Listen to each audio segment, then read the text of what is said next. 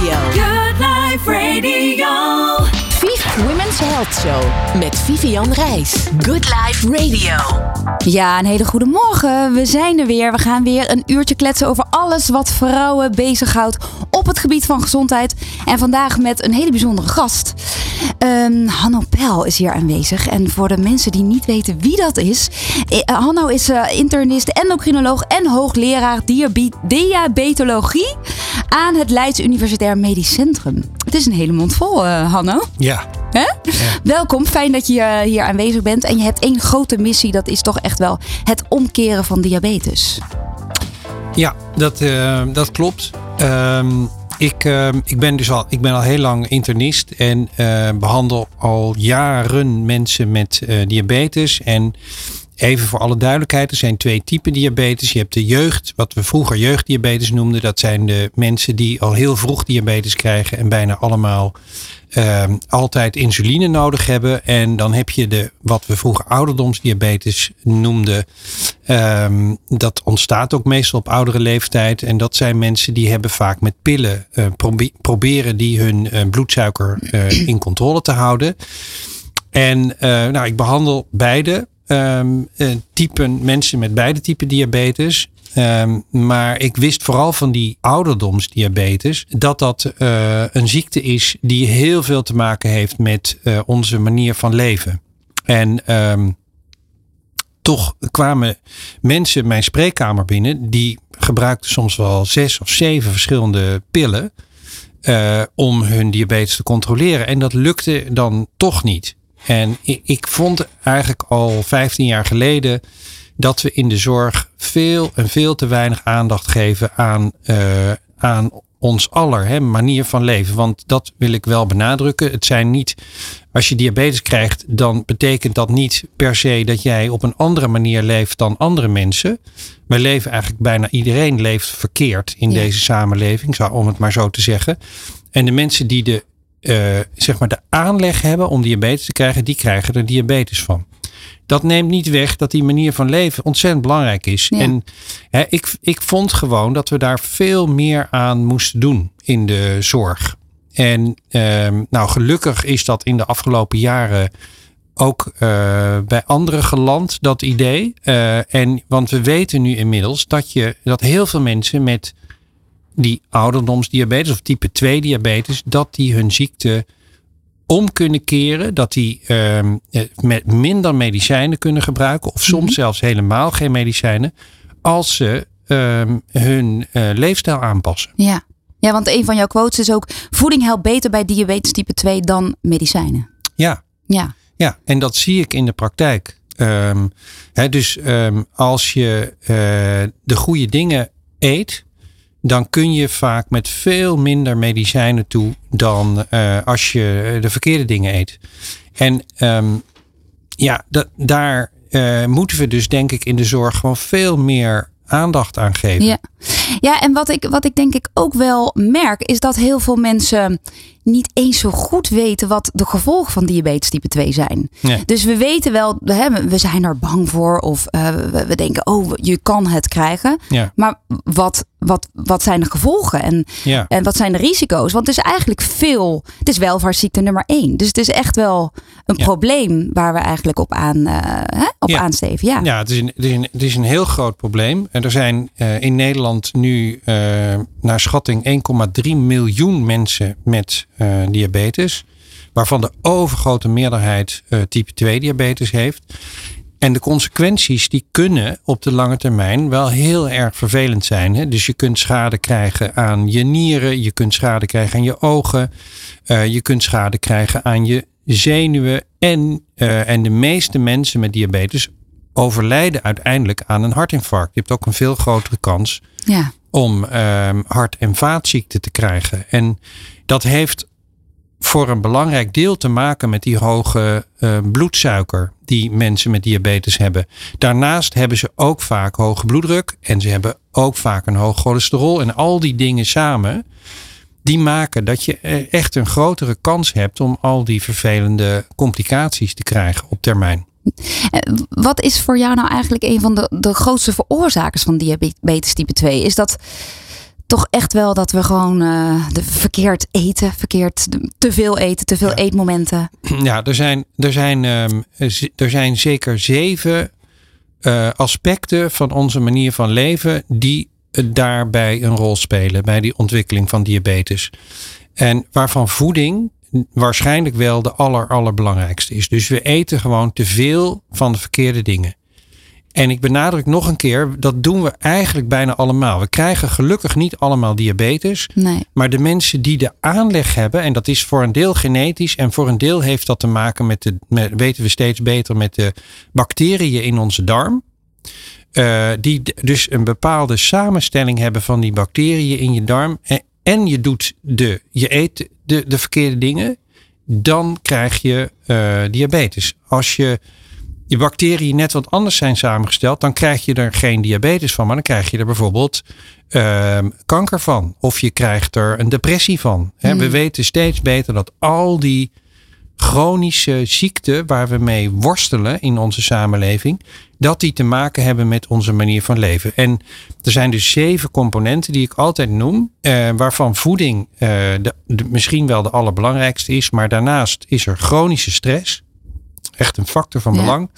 Eh, Want dat dus- heeft effect op de bloedsuikerspiegel. ja, dat heeft effect op de bloedsuikerspiegel. Het heeft effect op je hele systemen, je hele lijf, het functioneren van je hele lijf. Het heeft effect op je afweersysteem, het heeft effect op je stofwisseling, het heeft effect op van alles en nog wat. En datzelfde geldt voor eh, slecht en tekort slapen. Ehm, we roken, dat is ook een Ja. factor van belang. We gebruiken alcohol en al één glaasje alcohol per dag is niet slecht voor ons. Maar ehm, als je er meer neemt, dan wordt het echt toxisch. Ja. Ehm, en er zijn dus eh, overal om ons heen zijn giftige stoffen. Die ademen we in en die komen via onze huid binnen. En we eten ze op zonder dat we dat weten. ja, de pesticiden, bestrijdingsmiddelen, milieutoxines, Precies. toch? Precies. Ja, ja. En luchtverontreiniging. En het is overal. ja. En dan eh, bewegen we veel te weinig. En, en die factoren eh, bij elkaar, die spelen allemaal hun eigen rol in ehm, ja, of je diabetes krijgt of niet. Maar wat mij dan toch eigenlijk nog steeds verbaast, er zijn natuurlijk best wel wat, wat pioniers op dat vlak. Hè, die, die, eh, zoals onder andere Richard Terlet, maar ook jij. En, en ik pro- probeer ook een beetje bij te dragen. Waarom, als dit zo belangrijk is en, en zoveel mensen lijden aan diabetes type 2, waarom weten we daar toch nog te weinig over? Zeg maar, de, de, de, de massa weet toch echt nog te weinig hierover. We weten dat su- suiker slecht is, Ja. maar we hebben geen idee, denk ik, wat echt de gevolgen zijn. Nee, nee maar ik, dat is ook zo. Eh, en ik denk dat daarom eh, de dingen die jij doet eh, zo belangrijk zijn. Want mensen moeten geïnformeerd worden over wat er aan de hand is en waarom dat slecht voor ze is. Ehm, maar ehm, weet je, het, het ligt voor een heel belangrijk deel aan de manier waarop wij onze samenleving hebben ingericht. En ehm, die samenleving die verleidt ons continu eh, om de verkeerde dingen te doen. Om, Ja. om te gaan zitten. En om. Er is overal eten. En dat is ook nog vaak het verkeerde eten. Hè, dus, ehm, Zelfs in ziekenhuizen, wat mij echt Zelfs frustreert soms. Ja. ja, zelfs in ziekenhuizen gaat het mis. Ja. Hoe, zie, hoe kijk jij dat tegenaan? Want je werkt hè, in die omgeving. Ja. Hoe, hoe zie jij dat zelf? En dan kan je daar, heb je daar een invloed op? Ja, daar heb ik, daar heb ik eh, zeker. Ehm, hè, wat wij in het LUMC, en dat ben ik niet alleen hoor, maar er zijn gelukkig in het LUMC eh, veel meer mensen die gezegd hebben: ehm, wij zijn een ziekenhuis ehm, en wij gaan ons voedingsaanbod echt drastisch eh, veranderen. Wij verbieden niemand om ehm, bij wijze van spreken een koket te eten, maar we gaan het niet aanbieden Nee. aan eh, onze medewerkers. En, ehm, en, en zeker niet aan onze patiënten. Dus we, we gaan, wij, wij zijn bezig met nu in een proces waar, waarin we ehm, dat voedingsaanbod zowel voor medewerkers en studenten als voor patiënten structureel anders maken. Met het idee, wij zijn een gezondheidshuis. Ja. Wij zijn een ziekenhuis, maar eigenlijk moeten wij staan voor gezondheid. En, ehm, eh, ik denk ook dat dat, dat dat moet. Je moet als ziekenhuis een voorbeeldfunctie hebben daarin. Dus het is te zot voor woorden dat er eh, nog steeds heel veel ziekenhuizen in Nederland zijn. Inclusief wij zelf tot voor kort. Waarin eh, de meest vreselijke dingen werden aangeboden aan, aan, aan patiënten en aan medewerkers. Ik kan me voorstellen dat het, dat het best wel frustrerend is voor mensen zoals jij, die, die echt dat verschil willen maken en zien wat de gevolgen zijn. Ja, Toch? ja dat is ook zo. En kun je daar op landelijk niveau iets mee? Is de, hoe, zie jij dit? Bijvoorbeeld over vijf jaar worden dan nog steeds de frisdrank en, de, en alle snacks aangeboden in de ziekenhuizen? Ja, ik hoop het, ik hoop het niet natuurlijk. Nee. Maar het, ehm, het lastige is dat je, er is niet een overkoepelend eh, orgaan dat eh, voedingsaanbod in ziekenhuizen reguleert. Dus dat doet elk ziekenhuis zelf. Zelf, ja. Eh, dus het is, ehm, het is lastig om dat, om dat te sturen. Maar aan de andere kant eh, merk ik dat steeds meer, we worden steeds gelukkig steeds ehm, gezondheidsbewuster in onze samenleving. Dus er, het, wij zijn zeker niet het enige ziekenhuis dat hiermee bezig is. Er zijn Wageningen bijvoorbeeld, eh, de Gelderse Vallei, eh, liep jaren vooruit. Die heeft dat al jaren. Die heeft een veel gezonder voedingsaanbod dan de meeste ziekenhuizen. En zo zijn er eh, steeds meer ziekenhuizen die hiermee bezig zijn. En gelukkig ook andere instellingen. Ja, en die, dus je denkt wel dat dat zich wel gaat ontwikkelen, positief. Dat, dat, dat ben ik van overtuigd. Ja. Ja. Want dat, wat mij dan bijvoorbeeld ook verbaast, is dat mensen in die coronaperiode, wat zo draait om gezondheid. En we willen zo graag natuurlijk het niet krijgen, of in ieder geval er goed doorheen komen als we het krijgen. Dus je, je wordt nog bewuster van je gezondheid. En toch is er meer frisdrank verkocht dan ooit. Ja, ja. Hoe kan het, hoe kan het dan toch dat mensen zo hard leer zijn? Ja, nou, dat komt voor een belangrijk deel omdat wij de dingen die slecht voor ons zijn, eh, lekker vinden. Mhm. Ja. En zo simpel is het eigenlijk. Hè? Dus ehm, wij, eh, bijvoorbeeld suiker, ehm, is iets waar we een voorkeur voor hebben. En dat heeft hele diepe eh, wortels in onze ontwikkeling als mens, in onze evolutie. Want ehm, je moet je realiseren dat eh, zoet, hè, iets zoets, dat staat dus voor suiker. En suiker is een hele, eigenlijk is suiker een hele belangrijke brandstof voor ons. Dus suiker is geen gif, zoals heel veel mensen soms roepen. Ehm, suiker is gif in de hoeveelheden waarin wij het nu eten. De dosis. Maar in feite is suiker een hele belangrijke brandstof. En ehm, suiker zit in natuurlijke voedingsmiddelen bijna niet. Als je denkt daar maar eens over na. Het zit eigenlijk alleen in honing en in rijp fruit. Ja, ja. Dus als wij vroeger ehm, dat vonden in de natuur, dan moesten we er zoveel mogelijk van eten om die brandstofvoorraden aan te vullen. En toen kwam de industriële revolutie. En toen hadden we opeens de techniek om suiker uit suikerbieten te halen. En dat zijn we dus overal in gaan stoppen, omdat we het zo lekker vinden. Dat is de enige reden, bela- veruit belangrijkste reden, dat de voedingsindustrie het overal instopt. Want het, het stimuleert de verkoop. Mensen vinden dat gewoon lekker. En hetzelfde geldt voor vet. Vet staat voor energie. Hè? ja, ja. Vroeger, als we iets vets vonden, dan moest dat naar binnen. Want eh, energie heb je nodig. Dus, dus dat is nog steeds zo. Dus vet en suiker en zo, dat vinden we allemaal geweldig lekker. Dus je kunt ehm, mensen uitleggen dat het niet goed voor ze is in de hoeveelheden eh, waarin we het nu eten. Maar dan nog is het een uitdaging voor veel mensen om daar gehoor aan te Om geven. het te doen. Ja, om en die het verslaving eigenlijk naar dat toch dat zoet. Hè, die zoetigheid is te sterk. Ja. Hoe, hoe gaan we dit keren, dit punt? Ja, ik denk persoonlijk dat we als we ehm, iets willen doen aan de eh, tsunami van chronische ziekten, niet alleen diabetes, maar allerlei andere ziektes he- hebben, hangen hier ook mee samen. Ehm, dan moet je gewoon regels stellen. Dan moeten we gewoon als samenleving moeten we eh, besluiten om bepaalde dingen te zeggen van wij bepaalde dingen zijn gewoon niet gezond voor ons, dus die willen we niet. Mhm. Zoals En- bijvoorbeeld met roken, dat dat steeds Ja. duurder wordt.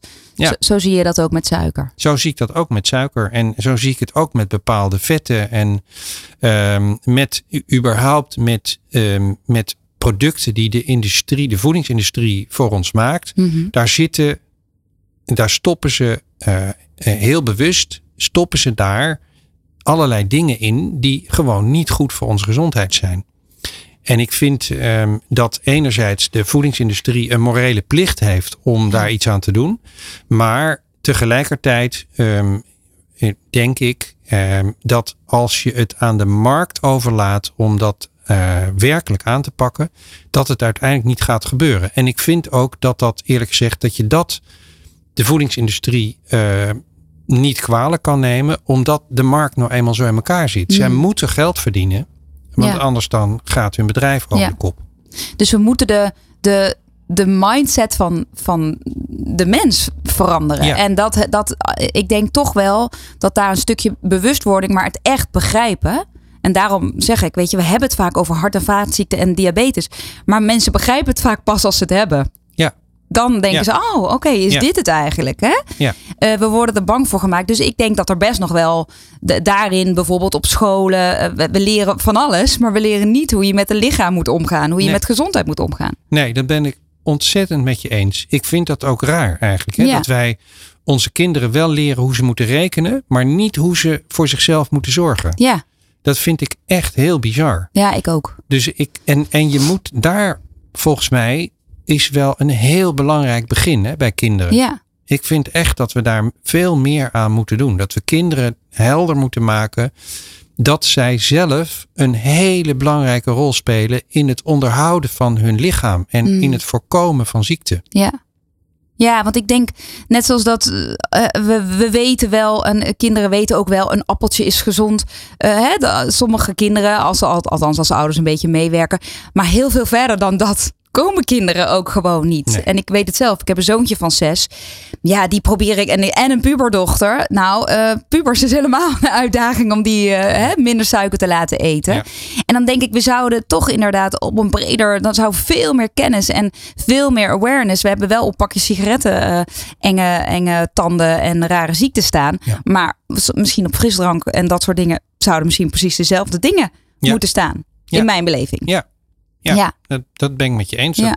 En ik, ik denk, ehm, ja, ik, als psychologen daar met mij over praten, dan, dan zeggen ze altijd dat het, dat het maar beperkte effecten heeft. Maar als, het, maar als het maar iets doet, weet je, mensen moeten gewoon geïnformeerd zijn Ja. over dat bepaalde dingen niet goed zijn voor Precies. hun gezondheid. En nou werk jij natuurlijk met mensen met diabetes type 2 onder andere. Als dan iemand bij jou komt, hoe, hoe pak jij dat dan aan? Nou, ik probeer in de spreekkamer eh, met mensen te praten over eh, hun dagelijkse voedingspatroon. En ik probeer met ze te praten over, natuurlijk over roken en over alcoholgebruik en over de factoren die we net noemden. Ehm, ehm, maar ehm, ik moet zeggen dat het ook voor mij een uitdaging is om dat in de tijd die ik beschikbaar heb voor mensen eh, voor elkaar te krijgen. Want ik heb, ik heb vaak al minstens vijf minuten nodig om erachter te komen wat voor, wat voor pillen mensen precies Mm. gebruiken. Want dat is heel lastig soms. Ehm, Vind je Dus- ook dat er te makkelijk pillen worden gegeven? In, Ja. in, ja, ja, ja. ja, Ja. ik vind dat er veel te makkelijk pillen worden gegeven. ehm, zonder dat er aandacht is voor de basis van de ziekte. Hè? Dus, Ja. ehm, ehm, dus, dus het is, de zorg is niet op dit moment niet ingericht op ehm, leefstijlinterventies. Daar moeten we echt aan werken met z'n allen. De zorgstructuur moet anders. Hmm. Dus, eh, maar goed, de- desalniettemin, ik doe mijn best. Hè. Ja. Ik, ik denk ook dat ik ehm, eh, daar ehm, goede dingen mee bereik. Met, met sommige mensen, niet met iedereen. Maar ehm, ik, eh, ik probeer daar zoveel mogelijk ruimte voor te maken in mijn spreekkamer. En dan is het natuurlijk ehm, voor veel mensen, ik, ik kan ze vertellen wat ze moeten doen, maar dan lopen ze de spreekkamer uit en dan komen ze dus die uitdagingen van de samenleving Ja. tegen. Hè? Van iedere keer maar weer eh, verleid worden om de verkeerde dingen te doen. Ja. Nou, ik ga er maar aan staan. Weet Ja. je? Het is, ik merk het ook zelf. Hè? Ik, ik ben zelf, ik probeer zelf heel erg op te letten op wat ik eet en dat ik regelmatig beweeg. En, maar het is soms zo ontzettend moeilijk. ja. Want hoe ga je daar zelf mee om? Ik hoorde jij wel in een interview zeggen dat je zo, zoveel mogelijk onbewerkt eet en, en, en goed eet en eh, kan beweegt. Voor zover jouw eh, werk en je sociale leven dat eh, aanbiedt. Ja. En dat Ja. betekent veel trappen nemen, las ik eh, Ja, ergens. Ja, Ja, ik probeer altijd de trap te nemen. Want dat, is, dat zie ik als een, als een mogelijkheid, als een gelegenheid om eventjes mijn spieren te gebruiken. ja. Ja, Ja, heel goed. En heel belangrijk als het gaat ook om diabetes type 2 natuurlijk. ja zeker. We gaan in het volgende blokje praten over hoe we het om kunnen keren. Want eh, jij hebt daar eh, nou in ieder geval een bepaalde visie op. En, en we gaan het ook nog hebben over time restricted eten. Dus welke momenten eet je. En, en het vasten natuurlijk. Een heel belangrijk onderdeel als het gaat om eh, diabetes. Vief Women's Health Show met Vivian Reis. Good Life Radio. Ja, we zijn weer terug met eh Hanno Pel. Waar, eh, waar we vandaag praten over diabetes en over vasten. En nou ja, hoe we in ieder geval eh, proberen om zo gezond mogelijk te kunnen leven.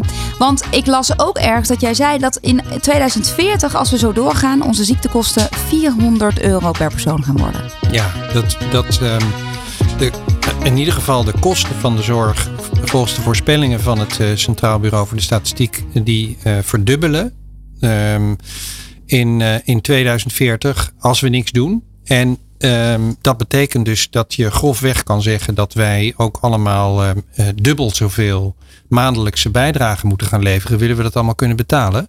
Tja. Nou ja, dat is dus eh, ondenkbaar. Ja. Dat gaat gewoon niet. Ehm, dus we moeten, we moeten iets doen met z'n allen. En eh, ja, ik denk dat we de enige echte oplossing is dat we moeten zorgen dat minder mensen ziek worden. Ja. En dat kan. Ja, dat kan. Want daar wil ik het met jou over hebben. Jij hebt ook een boek over geschreven. Hè? En dan met name over diabetes. Maar eigenlijk is het toch wel een soort leefstijladvies voor, voor iedereen. Mhm. Hè? ehm, eh, ja, keer het om. Eh, We, willen diabetes omkeren. Ja. Maar hoe doe je dat? Nou, het, ik, kijk, wat ik aan mijn patiënten probeer uit te leggen is dat ehm, je hebt twee belangrijkste ehm, factoren zijn om diabetes om te keren zijn voeding en, en beweging. En de, dan stress is ook wel een factor van belang, eerlijk gezegd. Maar Daar heb je Eh, niet altijd invloed op. stress is heel lastig. Ja. Stress is heel erg lastig. Daar, daar moet je, die stressmomenten die zijn bijna niet eh, te vermijden. Dus wat je moet doen is je moet proberen op een andere manier met stress om te gaan. Bijvoorbeeld via, eh, door mindfulness of door yoga of door een wandeling in de natuur. Maar, ehm, maar voeding en, ehm, en beweging zijn echt heel belangrijk. En de belangrijkste ding wat ik probeer uit te leggen aan mensen als het om voeding gaat, is eh, vermijd zoveel mogelijk producten die door de industrie zijn gemaakt. Ja. Daar zit suiker in, daar zit verkeerde vetten in, daar zit zout in, dat niet goed voor ons is. Eh, in de hoeveelheden, zout is essentieel, maar in de hoeveelheden die, die wij binnenkrijgen is het echt schadelijk. Ja. Dus ehm, eh, dat is denk ik regel nummer één. Probeer zoveel mogelijk vers te eten. Dat wat de aarde bedoeld heeft als voeding voor Ja. ons. Hè? En ehm, dan een, een beweging is niet een kwestie van marathons lopen. ehm, maar het is een kwestie van in de dagelijkse, ehm, in je dagelijkse leven zoveel mogelijk matig, matig eh, intensieve inspanning in te bouwen. Dus bijvoorbeeld het lopen van de trap in plaats van de lift. En ga met de fiets in plaats van met de brommer of met de auto. Ehm, en, d- d- zorg dat je de hele dag door af en toe beweegt. Dat Ja. je niet eindeloos gaat zitten in een stoel. Want dat weten we steeds beter dat dat echt niet goed is voor je hele stofwisseling. En dus ook niet voor diabetes. Dus ehm, dat zijn eigenlijk hele belangrijke adviezen. En dan, ja, dan moeten mensen dat nog voor elkaar zien Ja. te boksen. Maar, ja, en dan ben jij ook een groot voorstander van eh, eh, niet de hele dag door eten. Ja, want dat is, ehm, en dat weten we ook steeds beter. Dat ehm, wij zijn gewend om eh, drie keer per dag te eten. En sterker nog, ehm, in Nederland eten we, ik weet niet precies hoeveel gemiddeld, maar zeker zes of zeven keer per dag. ja, En tussen de zes eten- en tien keer, Ja, begreep ik. Ja. ja. Dus eh, mensen eten tussendoor ook nog. En dat is, wij vinden dat heel gewoon, maar dat is eigenlijk heel erg ongewoon voor mensen. Wij Mhm. zijn, mensen zijn daar helemaal niet voor gemaakt. We doen dat pas sinds de, alweer de industriële revolutie, sinds er voldoende eten is om dat überhaupt te kunnen doen. Want onze hele ontwikkeling, uh, in onze hele ontwikkeling als mens, aten we, niet, aten we zelfs niet elke dag. Hè? Nee. Er waren altijd periodes dat er gewoon veel minder eten was. En nou blijkt dat uh, onze hele stofwisseling daarop is afgestemd. En het is dus heel goed voor eigenlijk, als je eet, dan uh, worden er allerlei uh, hormonen en stofwisselingsprocessen in je lijf geactiveerd. En het is ontzettend belangrijk voor onze gezondheid en voor onze stofwisseling om die processen af en toe helemaal tot rust te laten komen. Hmm. En dat doen wij niet meer. Dus we eten, we zijn eigenlijk continu, behalve s'nachts, maar dat is een relatief korte periode ook tegenwoordig, ja.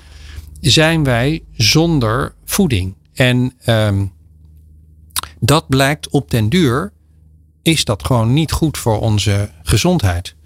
Dus ik ben een groot voorstander van, nou ja, als mensen echt niet uh, een maaltijd over kunnen slaan, maar neem dan echt niet meer dan drie maaltijden. Neem niet tussendoor dingen. Laat het eventjes allemaal bezinken en tot rust komen, die hele je hormonale systeem en je stofwisseling. Want dat is essentieel voor de gezondheid op de lange termijn. Ja, ja en daaraansluitend ben jij ook enorm fan van het vasten. Wat ook wel echt wel, denk ik, een uh, grote rol speelt bij het omkeren van diabetes. Ja, dat kan een hele grote rol spelen. Um, want vasten, weten we steeds meer, uh, is eigenlijk iets waar wij voor gemaakt zijn. Hè. We, wij hadden vroeger simpelweg um, geen eten, vaak, gedurende uh, soms wel dagen. En we moesten zo'n periode natuurlijk overleven. Ja. En daar heeft de natuur ons allerlei mechanismen voor gegeven. En uh, die mechanismen die maken ons gezond. Dus wat er, wat er gebeurt als we gaan vasten, is dat wordt gevoeld door onze cellen. Onze cellen voelen dat er geen brandstof binnenkomt mm -hmm. en geen bouwstof binnenkomt. En, en die denken, ho, um, er, uh, dit is een uh, soort van uh, noodsituatie. Wij moeten ons gaan verdedigen tegen die noodsituatie. Mm -hmm. En dat doen ze door, um, ja, eigenlijk door, door, door twee dingen. Ze ontwikkelen een soort van. Ze, ze gaan weg van groei en vermenigvuldiging, want dat kost energie en bouwstof, dat willen ze niet. En ze gaan hun energie stoppen in, het, uh, in verdediging tegen eigenlijk niet alleen dat tekort aan brandstof, maar tegen ongeveer alle vormen van stress die je kunt voorstellen. Dus tegen uh, straling, tegen giftige stoffen, tegen warmte. Daar, daar, ze, ze schieten in een soort verdedigingsmodus. De autofagie, toch? Is ook, ja, en, en ja. dat is het tweede wat er ja. gebeurt je krijgt, wat ze ook gaan doen, is ze gaan uh, afvalstoffen die zich mm -hmm. ophopen in cellen. Dat, dat komt, dat, dat is eigenlijk onvermijdelijk. Hè? Je cellen verzamelen schade. En die schadelijke, of die afvalstoffen die zich daar opgehoopt hebben, die gaan ze gebruiken als brandstof. Dus ze gaan als het ware zichzelf opschonen via een proces dat autofagie mm -hmm. uh, genoemd wordt. Dus dus enerzijds beschermen ze zich tegen allerlei um, kwaaie dingen van buitenaf. Ja. En anderzijds schonen ze zichzelf op als, ze, als je gaat vasten. En hoe lang moet je dan niet eten om, om dat te kunnen creëren? Ja, dat is um, bij mensen um, weten we dat nog niet helemaal precies wat optimaal is. Maar um, een van de onderzoekers in de wereld die daar ver uit het meest aan gedaan heeft, is uh, Walter Longo. En Walter die in zijn onderzoek laat zien dat je, nou ja, eigenlijk uh, toch wel een aantal dagen tenminste uh, achter elkaar uh, moet veel minder moet eten, wil je die, um, um, die mechanismen activeren.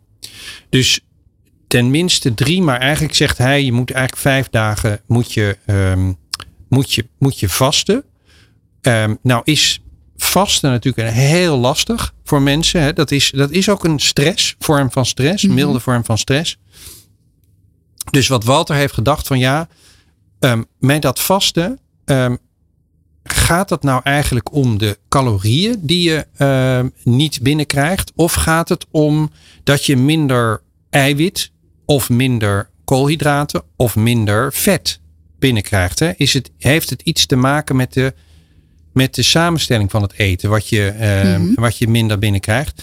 En het blijkt uit zijn, uit zijn werk dat het vooral gaat om eh, koolhydraten, hè, dus om brandstof en om eiwit. Dat is de belangrijkste bouwstof.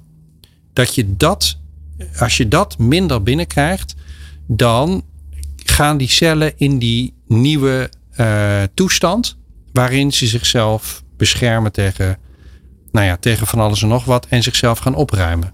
Kan je ook voorstellen. En dat Ja.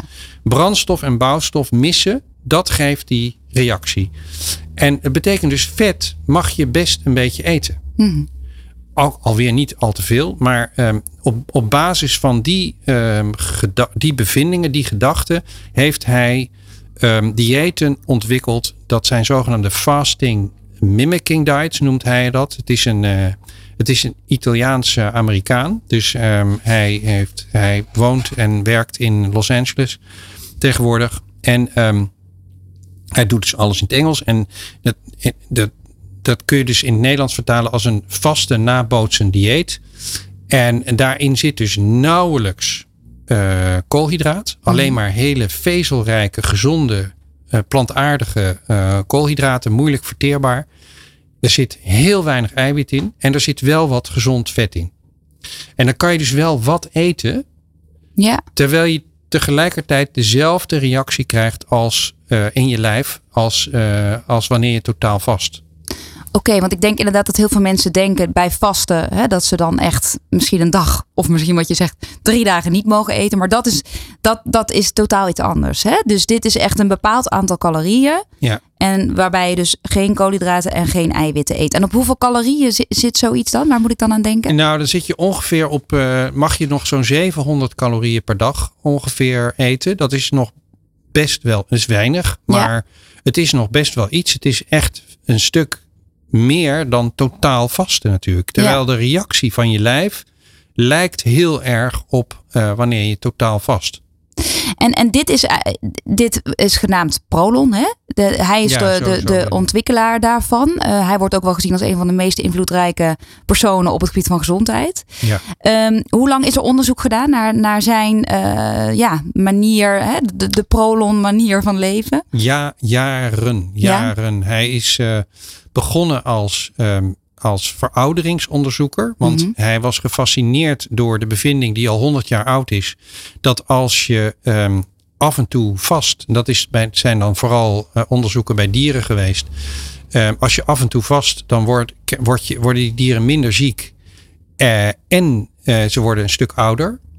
En dat is bij een enorm groot aantal verschillende diersoorten is dat aangetoond inmiddels.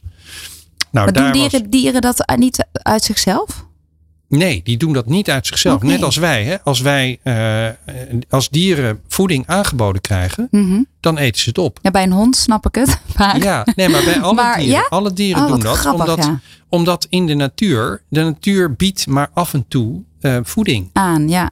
En dus als het er is, dan moet je het opeten. Dat geldt voor ons, maar dat geldt voor Mhm. Ja. alle diersoorten. Ja. Dus, dus als je dieren hebt in eh, gevangenschap, eh, in, hè, dus in onderzoekssetting, dan die krijgen natuurlijk dagelijks voeding. Maar als je die dieren ehm, af en toe, dus om de dag bijvoorbeeld, ehm, te eten geeft, Mhm.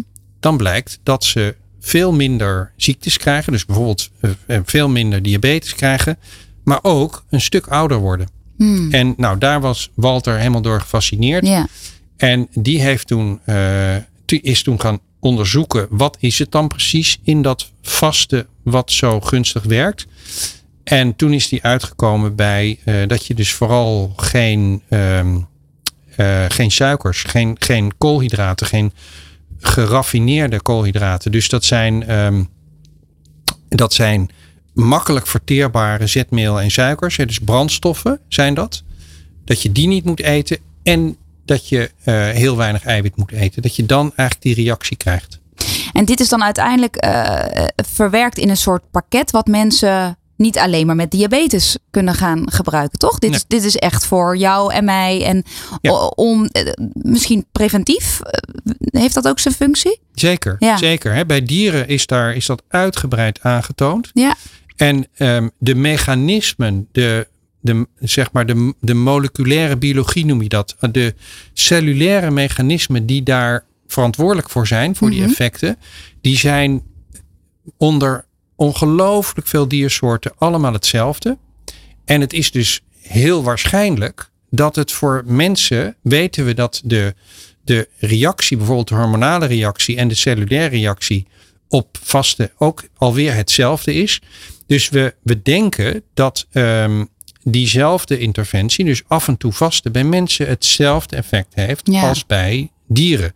Natuurlijk kun je het bij mensen moeilijk, zeker de langlevendheid, kun je bij mensen veel moeilijker onderzoeken. Want je moet dan eindeloos, moet je dieren leven, de muizen leven maar twee jaar. Ja. Dus die hoef je veel minder lang ehm, af en toe te laten vasten om dat effect vast te stellen. Mhm. Bij mensen moet je dat eindeloos doen. Ja, Ehm, dus dat weten we eigenlijk niet goed. Maar de verwachting is op grond van de mechanismen die ehm, een rol spelen, dat het bij mensen hetzelfde werkt. en zie jij dit ook in de praktijk bij jouw patiënten? Pas Ik- jij dit toe? Ja, dus ik ehm, eh, bij sommige mensen met, met diabetes, want we weten inmiddels ook dat het bij diabetes goed werkt. Ja, Ehm, die adviseer ik het. En daar, daar werkt mensen die dat vol kunnen houden, die, daar werkt het gewoon goed. Ja. En eh, kijk, dit is dan een, een, een soort van kant-en-klaar. eh, je reikt iets aan wat voor mensen heel makkelijk kan werken. Hè? Dat is natuurlijk een fijne manier. Dan. Maar als mensen nou zelf toch echt met vasten aan de slag eh, gaan.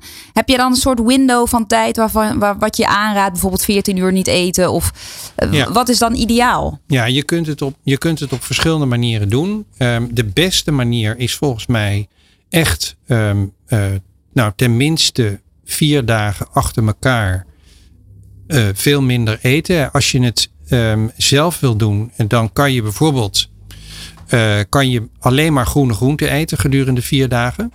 Dat lijkt een beetje op wat eh Prolon doet. Het is niet hetzelfde. Ehm, maar het, het, is, het lijkt er een beetje op. En ik denk zelf dat dat de meest effectieve manier is. Ehm, maar je kunt ook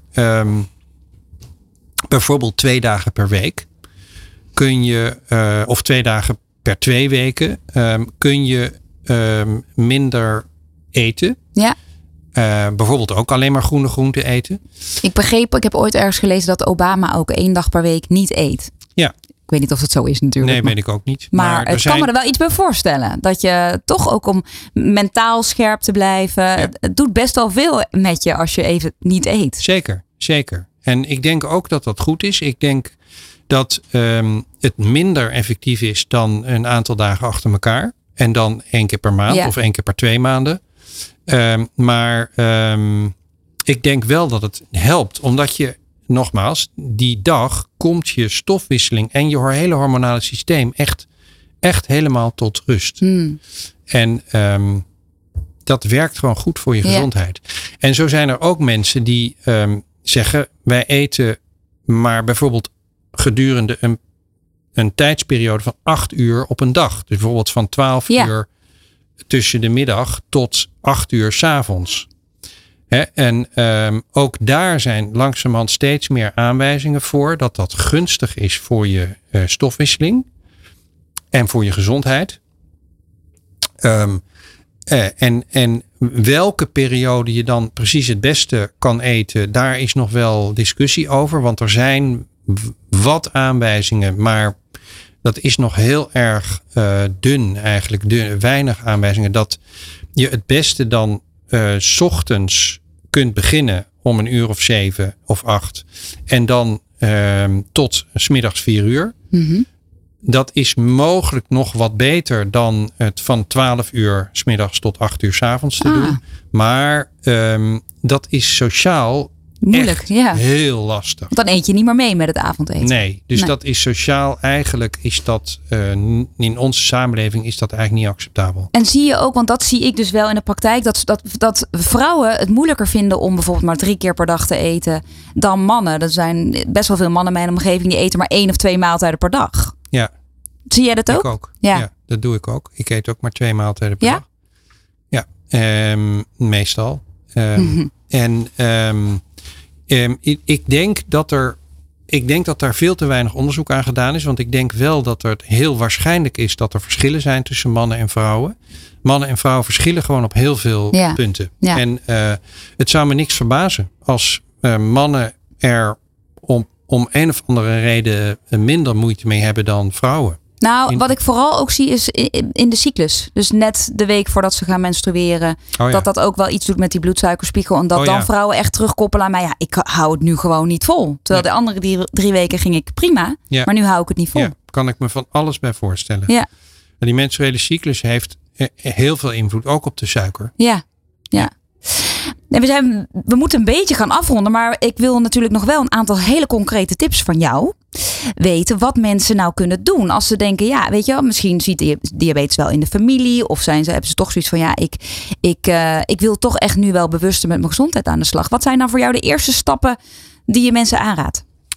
Nou, ik denk het allerbelangrijkste is probeer, ehm, eh, dus wat ik al eerder zei, zoveel mogelijk ehm, voeding die door de industrie is gemaakt te eh, vermijden. Ehm, tweede is eh, beweeg, probeer een matig intensieve inspanning in je dagelijkse leven in te bouwen.